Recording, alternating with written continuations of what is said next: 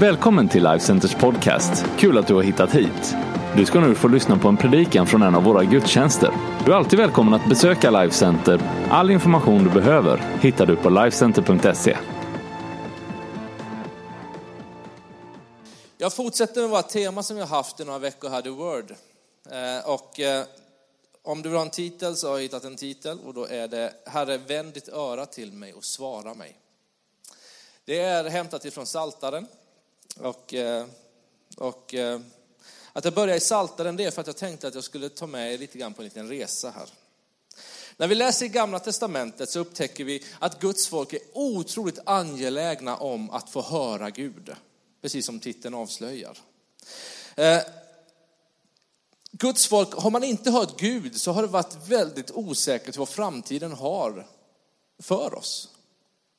Och många gånger i Gamla Testamentet så förknippas tystnad från Gud som någonting oumbärligt, någonting otroligt tungt. Tiden mellan Gamla Testamentet, alltså Malaki bok som den avslutas med och Matteus som den börjas med, där är en tidsperiod som är ganska lång. Det är 400 år. 400 år, om säger från år 0 och bakåt, det var ju inte så att det inte hände någonting i världen. Ni som kan i historia vet att det hände väldigt mycket i världen. Det dök upp ett grekiskt herravälde med Alexander den stora som, la, Alexander som la hela världen under sig, alltså den dåvarande världen där alla människor bodde. Det bodde ju typ ingen här uppe då. Det som hände under den här perioden också är att romarriket växer sig upp och blir, blir någonting också, och tar över hela, tar hela, över hela grekiska väldet. Det hände väldigt, väldigt mycket. Men vad hände i Bibeln? hände ingenting.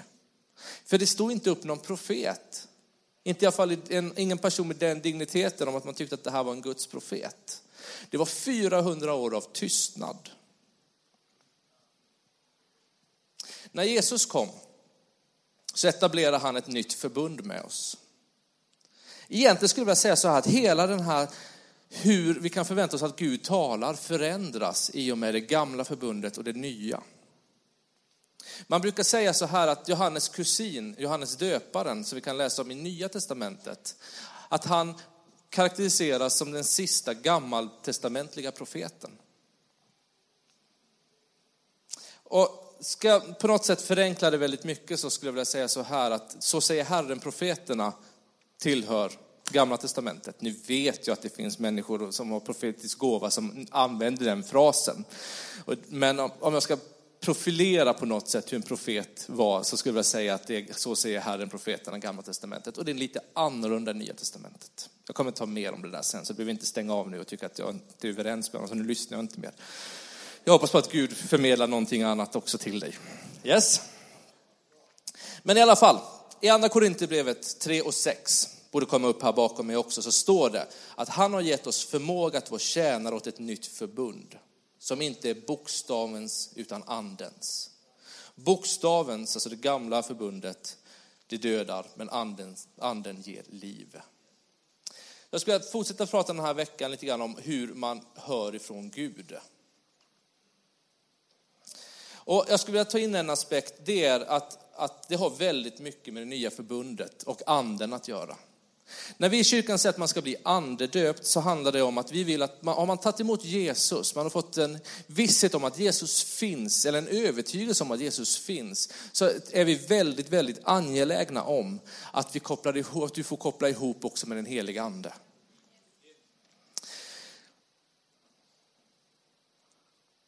Kanske någon sitter här och, tänker så här, ja men jag är inte andedöpt, jag har varit kristen hela mitt liv. Eh, ja, det finns olika teologiska synsätt på det och jag hoppas på att kunna få ge dig en bild idag om hur jag ser på det och kanske kan hjälpa dig och, ge lite nya perspektiv. Sen kanske någon har tänkt så här, men måste man vara ande för att höra från Gud? Eh, alltså, jag säger inte att det är så, för det är absolut ingen krav, för jag har hört människor som inte ens har en gudstro som har hört Gud tala. Så att Gud är ju liksom Gud, han kan göra hur han vill, när han vill, var han vill. Men vi kan inte forma en lära, en teologi på de här undantagen som Gud ständigt älskar att göra just på grund av att vi skulle förmodligen kategorisera och boxa in Gud så enormt mycket om han inte skulle hela tiden gå utanför vad han tycker är normer och bara visa att han är Gud. Yes.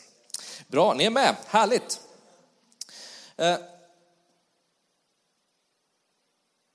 andedop. För andedop är någonting viktigt. Jag, tror, jag tycker att andedopet är lika viktigt som dopet i vattnet. Det, är, det hör ihop. Båda de dopen hör ihop och är så kopplade med din relation till Jesus. För det är det som är det viktiga. Du tror inte bara på en lära, du tror inte bara på doktriner, du tror inte bara på olika regler. Utan du har möjligheten att få ha en relation till Jesus. Och det är det som gör det så speciellt, det är det som gör det så unikt. Det är det som gör att vi säger att det inte är en religion utan det är en relation. Då kan man ju inte studera teologi som gör jag och säga att kristendom inte är en religion för då, då hamnar man ju så att, så att människor förstår att innebörden i är det så mycket starkare. Att vi bara tror på någonting. Vi går med någon. Johannes sa så här till sina lärjungar i kapitel 10 och 27.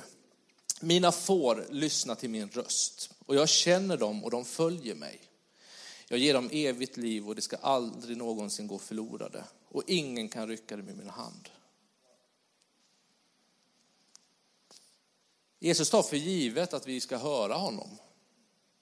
Att han kommer tala till oss, att han kommer att leda oss. Att han är som en herde som tar hand om sina får. En herde umgicks med sina får ganska ofta. Det var inte att han dök upp en gång på, om året och bara tittade till hur, hur, hur de hade det. Utan det är en daglig omsorg. Förra veckan så talade Per-Johan också om det här att höra Guds röst. Och bara för att påminna oss lite grann så, så var hans punkter att välja att kommunicera. Välj att kommunicera rätt. Kommer ihåg det här när, när jag är ute på jakt och den här jägarkompisen ringde till Ulrika mitt i natten och sa att det är en jätte bakom dig. Ulrika berättade att det var inte en natt, utan det var tre nätter det där hände. Välj att kommunicera rätt. Sen pratar de om att du behöver fixa till din telefon. Du måste ha din förbindelse till Gud. För att Gud vill tala. Finns på podcasten, gå in på hemsidan om du vill lyssna på det. Där finns hela serien utlagd. Superbra. Men en förutsättning för oss kristna att kunna ha en kommunikation med Gud, det handlar om att vi har rätt byggstenar på plats. För övrigt så det jag står säger här idag är ju egentligen, de flesta är vana, går i kyrkan varje söndag och det är inget konstigt att Gud talar. Men skulle jag placera mig på din arbetsplats eller någon annan, någon annan miljö och stå och säga att vi kan prata med Gud, så är det ju väldigt märkligt. Att, att prata med Gud, Gud som är, enligt dig som tror, alltings ursprung, skapare. Det är ju helt jättekonstigt. Så jag kan förstå att det inte är jättelätt att komma in och få en tro på Gud och sen att, att, att jag kan prata med Gud. Därför tycker jag det är så otroligt viktigt att när vi pratar med Gud, att det inte bara blir på en nivå av att att våra vänner som inte har en tro, att de kan på något sätt se det som att men det är inbildning. För när Gud talar så säger han ju bara fotbollen är rund eller att Jesus älskar dig. Det, är liksom, det, det ligger på sån nivå av att det är liksom självklarheter. Men jag menar att det är så viktigt att vi, att vi faktiskt vågar tro på och vi lär oss växa in i att Gud faktiskt också kan tala om saker som faktiskt blir en skillnad. Där det inte, där inte bara Gud säger saker som är självklarheter. För Gud är ju någon som verkligen vill tala. Och han vill att vi ska höra hans röst. Förstå skillnaden när han talar och när någonting annat talar. Hur är det då att ha Gud med sig och höra hans röst? De här byggstenarna som jag nämnde om. När Jesus gick här på jorden så sa han så här till sina lärjungar i Johannes 14 och 26. Men hjälparen, den heliga ande, som Fadern ska sända i mitt namn. Han ska lära er allt och påminna er om allt vi har sagt er. Och med tanke på det som vi läste tidigare om det här att mina får hör min röst och jag känner dem och de följer mig, jag ger dem evigt liv och de ska aldrig någonsin gå förlorade, ingenting kan rycka dem ur min hand. Så blir det lite mer förståeligt när vi börjar förstå att vi har en osynlig hjälpare med oss. För Jesus är ju inte fysiskt här längre. Det hoppas vi alla eh, kan enas om att han inte är. Men att vi alla har en hjälpare. En hjälpare som är i oss. Men som också går med oss. och som är för oss i våra liv. Och hans uppgift är att agera hjälp, även försvar. Men också att han ska påminna oss om allting det som Jesus har sagt. Här blir det också intressant då, eftersom att jag läser teologi så snöar jag in lite grann här att ja, men det här syftar ju på vad Jesus sa till lärjungarna. Vad har Jesus sagt till mig? Jag har ju inte haft den förmånen. Men då har vi ju den här. Bibeln, Guds ord. Det är de här orden som den helige Ande ska påminna oss om och undervisa oss om och även undervisa oss genom. Det är därför Bibeln är en helig bok. Eftersom det här ordet, det är evigt. Det här ordet är levande. Just på grund av att det är den heliga ande som gör det levande för oss. Jag håller absolut med om att det här är en gammal bok. Otroligt gammal bok. Och den är skriven i en annan kultur, faktiskt i många andra kulturer. Och att den behöver tolkas, det är jag också helt övertygad om. Men en korrekt tolkning kan vi aldrig få till utan att den helige ande är vår hjälpare och vi kan tolka den i samråd med honom. När han kommer, sanningens ande, då ska han föra er in i hela sanningen. Han ska inte tala av sig själv, utan allt det han hör ska han tala. och Han ska förkunna för er vad som ska ske, säger Jesus vidare.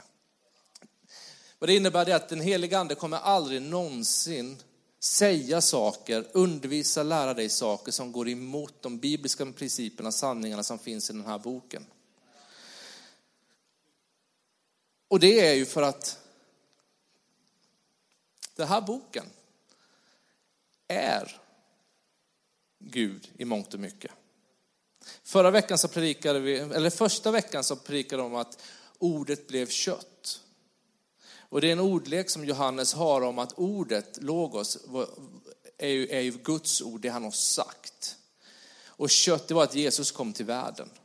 Jesus undervisar, vi har det här nedskrivet. Det här blir så oerhört ihopflätat med vem Gud är. Så därför så är det också så att vi kan påstå att den här boken är helig. Och därför så kommer den heliga ande aldrig kunna undervisa om någonting annat än vad den här boken säger. För han går ju inte utanför sig själv. Sen kanske den heliga ande kan säga saker till dig som, som, som inte står ordagrant i den här, men det, det är ju okej. Okay. För principerna, sanningarna är det som han är ute efter. Kanske något djup idag. Jag hoppas att ni hänger med, men jag hoppas att ni ska få landa i det, att den här är en helig bok. Det är inte bara en sammansättning av historiska skrifter och som vi har sagt att ja, vi har inget bättre så vi tar det här vi har. Utan det här är så otroligt viktigt att, det är så otroligt viktigt att vi läser det här. För det är då som vi kan föras in i hela sanningen. Jag tror också när vi läser den här versen ibland att vi tänker, i alla fall jag har blivit så frestad av att okej, okay, men om jag bara ber tillräckligt mycket och är tillräckligt bara på så kommer jag förstå så mycket mer och kommer föras in i hela sanningen. Ungefär som att, typ, att man kan liksom in i mikrovågsugnen efter en minut så är det pling och sen då ska jag föras in i hela sanningen. Här tror jag att det här hör ihop med lite grann vad Jesus sa om en annan sak. När vi läser i, jag tror det är Markus, så är han väldigt tydlig med att säga, så säger Jesus så här att nu är Guds rike här. Du kan säga ja. Så kan man börja tänka på, men vad är Guds rike då? Ja, Guds rike det är utan ondska, det är inget mörker, det är inga sjukdomar, det är ingen orättvisa, det finns ingen brist i Guds rike. Ja, vi ser ju en, en del inträffa nu. Vi ser faktiskt under och tecken och mirakel hända. När någon ber om syndernas förlåtelse så är vi ju helt övertygade om att synderna blir förlåtna. Men alla sjuka som vill bli friska blir ju inte alltid friska. Det händer, men, men det händer också väldigt ofta att de inte blir det. Så när Jesus sa att Guds rike är nu här, så får man säga ja det är det. Men också ändå inte riktigt än. Det är både och. Samma sak är det här. Att jag tror att vi förs in i sanningen, ja, när Guds rike kommer i full kraft, när Guds rike etableras fullt ut, då sitter vi också och är förda in i hela sanningen.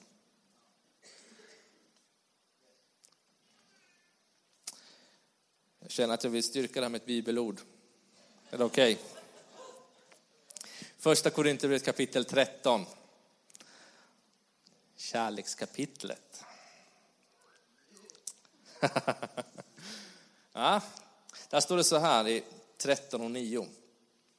Ty vi förstår till en del, profetera till en del, men när det fullkomliga kommer ska det så, förgå, så ska det förgå som är till en del.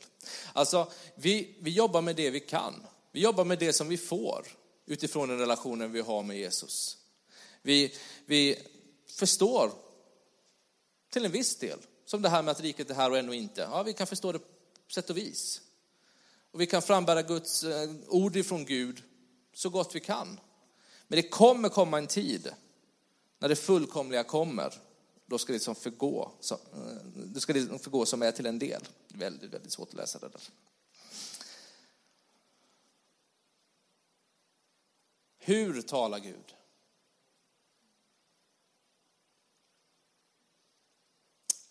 Eftersom Gud är relationell så finns det ju massor med olika sätt. Jag försökte spalta upp lite grann igår alla olika sätt som jag själv kom på och som jag har hört andra säga. Egentligen så finns det ju inga gränser för hur Gud kan tala till oss. Eh, det kan ju vara en röst man hör. Jag har träffat de som har hört en röst. Jag har inte själv inte gjort det. Eh, men jag har också träffat de som säger att när jag går ut i naturen så blir det alltid någonting som Gud målar upp inom mig. Eh, de som lyssnar på musiken säger genom musiken talar Gud. Ja, genom Bibeln talar ju Gud, absolut. Genom erfarenheter, genom bön, genom bibelmeditation, genom aktiviteter, kanske som att jogga, det kan man inte anklaga mig för direkt, eller träna. Men kanske andra upplevelser. Eller genom samtal med vänner. Det tycker jag funkar väldigt ofta. Om man sitter i ett samtal med någon som bara, men det där, det där ska jag ta fasta på. Det där var nog inte bara, bara ord mellan två människor, utan det där var något gudomligt i det. Jag har en kompis som drömmer väldigt ofta och upplever att det är profetiskt, att det är från Gud. Det skulle jag vilja ha. Det är så prestationslöst, bara gå och lägga sig och sova. Och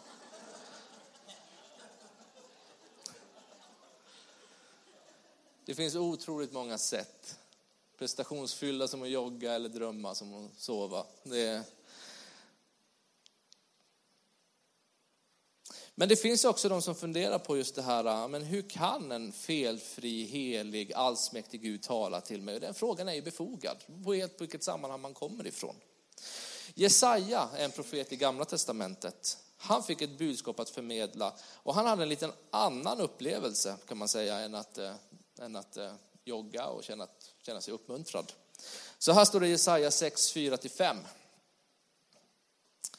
Rösten från den som ropar fick dörrposterna och trösklarna att skaka och huset blev uppfyllt av rök. Då sa jag, ve mig, jag förgås. Jag är man med orena läppar och jag bor ibland ett folk med orena läppar och mina ögon har sett konungen, Herren Sebaot. Det här är också ett sätt när Gud talar. Jag skulle nog inte säga att det är normen direkt. Att det är så här, att vi sätter normen att har du hört Gud tala så är det att då, då ska liksom huset ha en rökutveckling som heter duga. Och, och liksom, jag tror att det blir svårt. Inte omöjligt, men det blir svårt. Jag vill bara påminna om det vi började med. Som får, som lyssnar till sin herde. Det finns två olika sätt, eller två olika diken kanske, eller två olika uttryckssätt. Det jag vill att du tar med dig idag är att det är inte svårt att höra ifrån Gud. Men jag vill också bara påminna om att Gud är ju inte som min dotter som pratar hela tiden. Utan Gud väljer när han vill tala. Han var tyst i 400 år innan Jesus kom. Alltså 400 år. Vi är tillbaka på medeltiden om vi skulle backa tillbaka banden så långt. Så att Gud väljer när han vill tala. Några få, några erfarenheter, få erfarenheter, som att jag är så snål med mina erfarenheter. Eh, men jag och min fru Maria gick en korttidsbibelskola för, ja nu är det faktiskt 11 år sedan. Panik, vatten. Eh, den bibelskolan var inriktad på väldigt mycket att höra ifrån Gud. Och den gav mig faktiskt ganska nya perspektiv på det hela. Jag tänkte att jag skulle ge två scenarion från den tiden. Eh, det ena scenariot är att jag är på Fiji. Ja, ja. Eh, och eh, var där och jag kände så här att jag skulle gå undan och be för några killar. Ehm, de var inte där utan jag gick ner på mitt rum och sen bad jag för dem och sen så upplevde jag att jag fick eh, saker som jag skrev ner. Jag kommer ihåg att jag pratade med en av killarna efteråt eh, och bara förmedlade det. Jag vet inte om jag sa att Jesus älskar dig och bollen är rund. Eh, så, jag vet inte. Men i alla fall, han blev väldigt, väldigt rörd. Och liksom var så tacksam av att få höra mig bara uttala de sakerna. Han kände sig så uppmuntrad av att Gud hade hört honom svara på hans funderingar. Och då är plötsligt är det inte så konstigt egentligen, även om man skulle säga sådana här banala saker. Äh, hamnar det rätt, då är det ju klockrena profetior. Det behöver inte vara svårare än så. Så, så det var faktiskt fantastiskt att se bara under den här perioden hur Gud, vilken omsorg Gud har av att han vill uppmuntra oss. Men att han, han vill påminna oss att vi går inte själva. Han är med oss. Det andra scenariot var ju att vi, vi, bodde, vi var ju team som reste runt och vi bad för allt, hjälp alltså. Det var ju typ så här på morgonen så var det typ så här, ah, nu ska vi sitta i ring här och be om, eh, vad ska vi göra idag? Ska det vara? Ska vi resa vidare imorgon eller någon annan dag? Ska vi handla i den här affären eller den affären? Vem ska predika ikväll? Vem ska leda mötet? Till slut så var jag så trött på det där så att jag upplevde ju aldrig någonsin, jag upplevde alltid väldigt fort vem som skulle predika för att jag ville inte göra det. För då var det så här, för regeln var ju typ så att kan två eller tre stämma in i det så stämmer det. Så, där. så att ni förstår, jag tror så här elva år efteråt att vi kanske tog den där metoden som är bra, Bön är alltid bra. Men vi tog den där metoden och bara syltade in den i varenda liten detalj.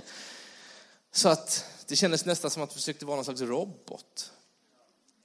Idag skulle jag nog säga att Gud kan också se att ja, men jag har faktiskt utrustat dig med en hjärna, och med en vilja, och med en tanke. Och, och jag ger dig ett förvaltarskap. Gör det bästa du kan av det där. Kom till mig när det blir för svårt. Kom till och med när du känner att du känner lite vilsen. Inte, jag, jag, jag tror nästan Gud sa, jag bryr mig inte vad ni äter i för restaurang ikväll. Här. Det är två scenarion. På något sätt så landar jag i att, att vi har de här kategoriseringarna. De vardagliga samtalen, ledningen av våran herde. Gud är intresserad av det. Vi tittar lite grann på Jesaja lite snabbt här. Det var ju hans kallelse, eh, eh, alltså uppdragskallelse från Gud. Lite speciellt och de skiljer sig åt, absolut. Sånt händer. Jag, jag träffade häromdagen en, en välkänd profil i Sverige, över 80 år gammal. Han berättade just att han, han hade något liknande av att han gick ut i skogen och var inför Guds helighet en hel natt och kom tillbaka. Och det som är med de tillfällena, det är som Jesaja exempelvis, han, han fick ett budskap som gällde hans land.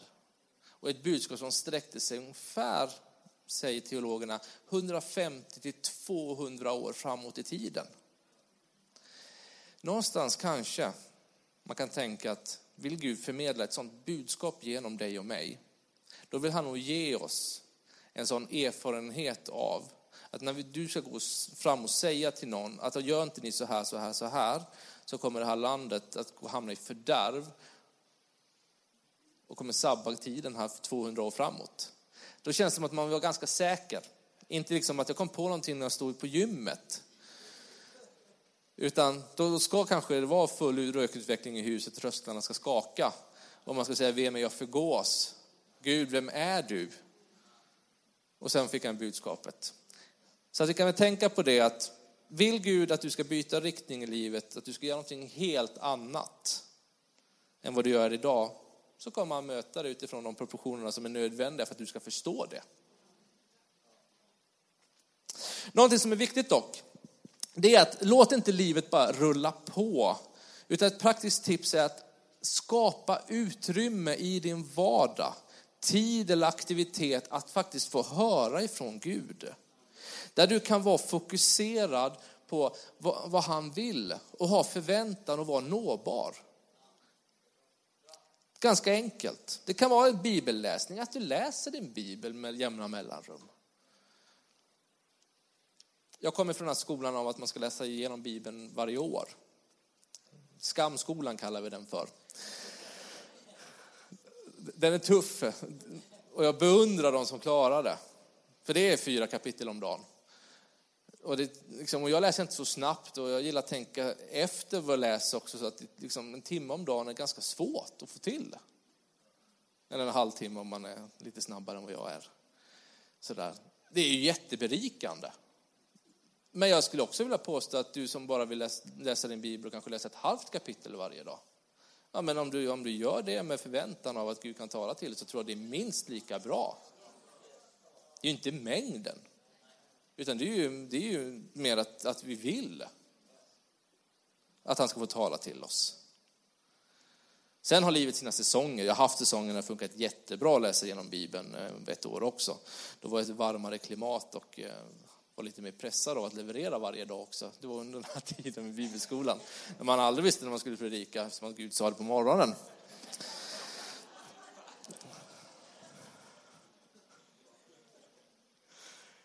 Jag ska ge tre tips som vi hade under UMU. Nu har jag gjort, eh, ja nu sa jag UMU också, inte meningen, jag skulle inte göra det. Eh, eh, som är bra tips.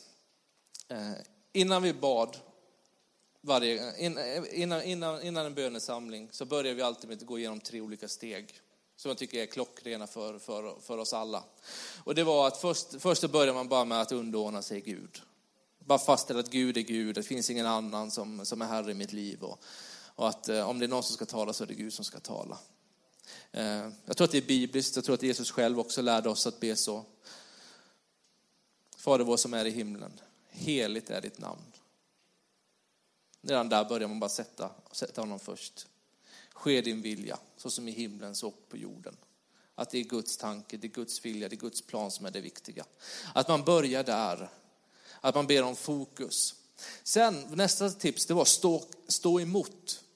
Kan man tänka, vadå stå emot? Jo, när man, när man ber längre än två minuter så händer det jätteofta att jag sätter mig på kontoret, jag börjar be och helt plötsligt så kommer jag på att jag har hittat Rubiks kuben och suttit och snurrat på den. Jag bara, jag ber ju. Bort med den.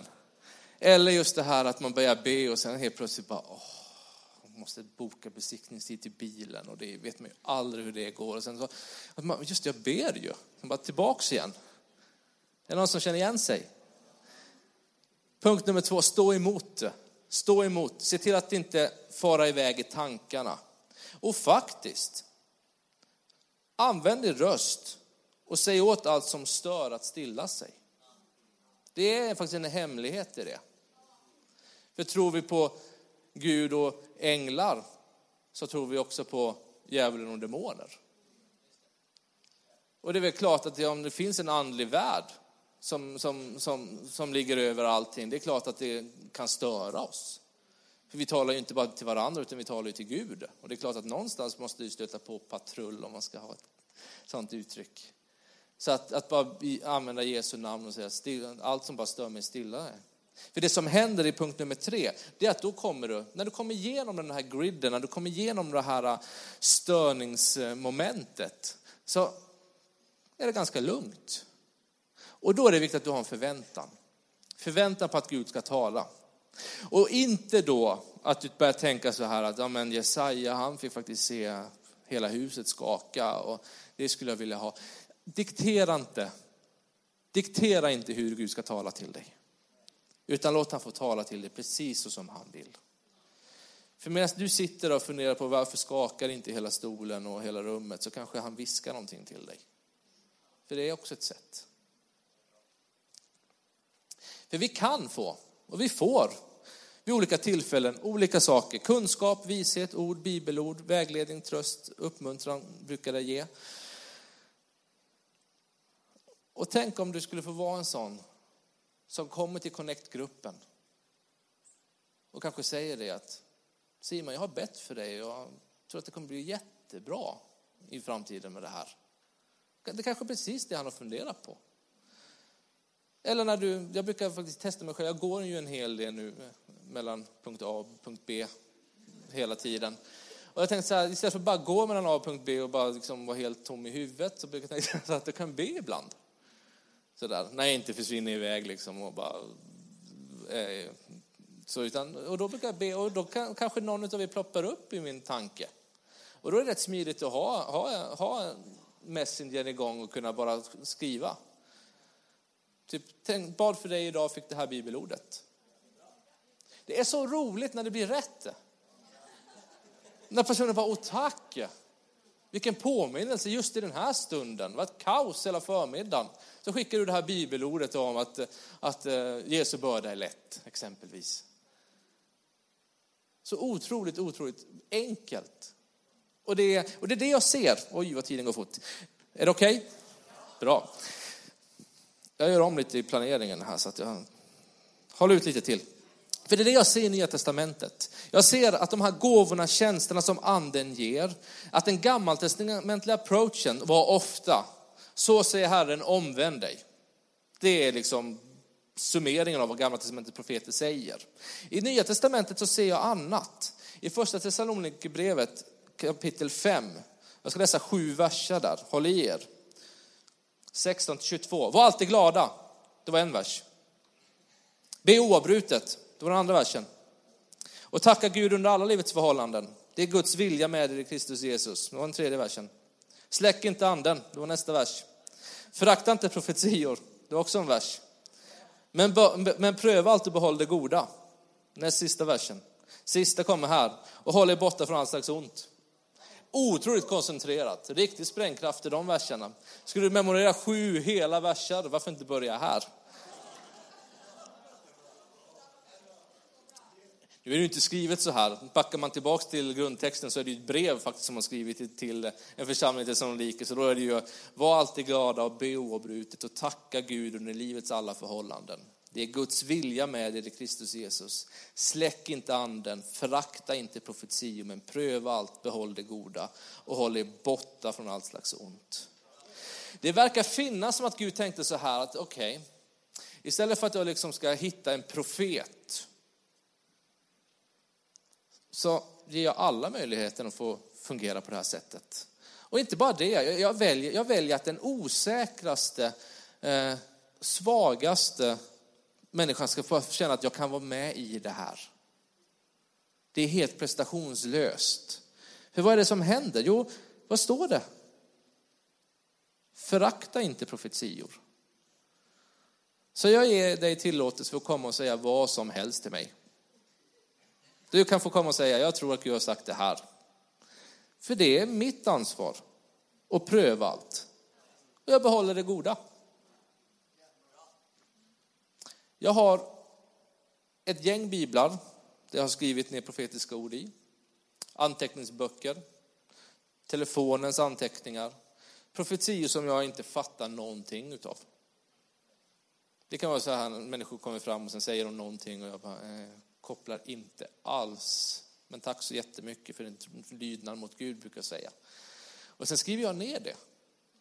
För vad vet jag? Det kanske var som så att den här personen bara är i en slags träningsmode. För det är ju som så att vi alla hamnar i träningsmode här. Men inte i en träningsmiljö, utan vi hamnar i verkligheten. Och det är helt okej, okay, för att vi ska själva avgöra om det är rätt. Så jag har de här, så jag brukar backa tillbaks till dem ibland. Jag glömmer ju bort det, påminns ibland. Jag har en där jag ska predika för raggare. Som jag har funderat på här nu i 15 år. Undrar, hur, undrar när det inträffar? Finns de kvar? Jag vet inte. Men det står där, och det, nu kommer jag ihåg det för jag har sett det så många gånger. Men det finns andra profetior jag har glömt. Och där är det ju otroligt viktigt att, att man sparar på sådana där saker. För har Gud sagt det, det är ju guldkorn. Det är ju guld det Gud säger. En test. Förra söndags predikan var den bra? Vad var det som var bra då? Ordet. Ja, visst är det som så att ofta så kopplar man en känsla. Ja, det var så bra söndags. Oh, vad starkt var det. Vad härligt. Så man, vad var det som var bra då egentligen? Vad tog jag med mig själv? Vad sa Gud till mig under den predikan?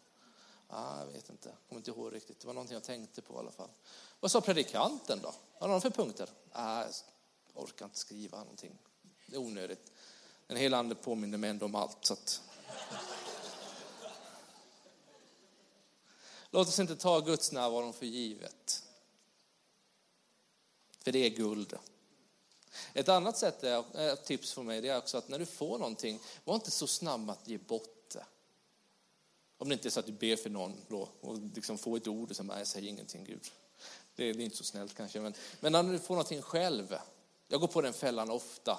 Jag får någonting bra från Gud som jag går runt och liksom äter som smågodis ett tag och sen så hamnar jag i något sammanhang och sen plötsligt bara står jag och säger allting som jag upplevde.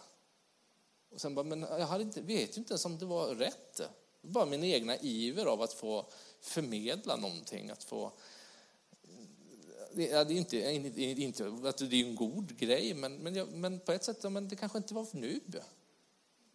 Likväl som Gud talar till mig om någonting kan han väl också få tala till mig om när jag ska få ge det vidare. Pröva allt i allt. Som jag sa, jag har det nedskrivet en hel del ord. Och fortsätt att träna dig, be för människor. Upplever du någonting, skriv det till dem om du upplever det till dem. Låt oss få det här att funka, för det är det församling är. Församling är ju inte att vi bara kommer hit, sladdar in med bilen fem i elva, hittar en ledig plats, sitter här, fikar en stund, åker hem och sen bara, det var härligt. Vi är församling. Församling är ju vi tillsammans med olika gåvor. Där vi faktiskt gör att vi är en gemenskap, som en andlig gemenskap. Och att vi har ett uppdrag. Uppdraget blir ju roligare när vi går och gör det med Gud och gör det tillsammans.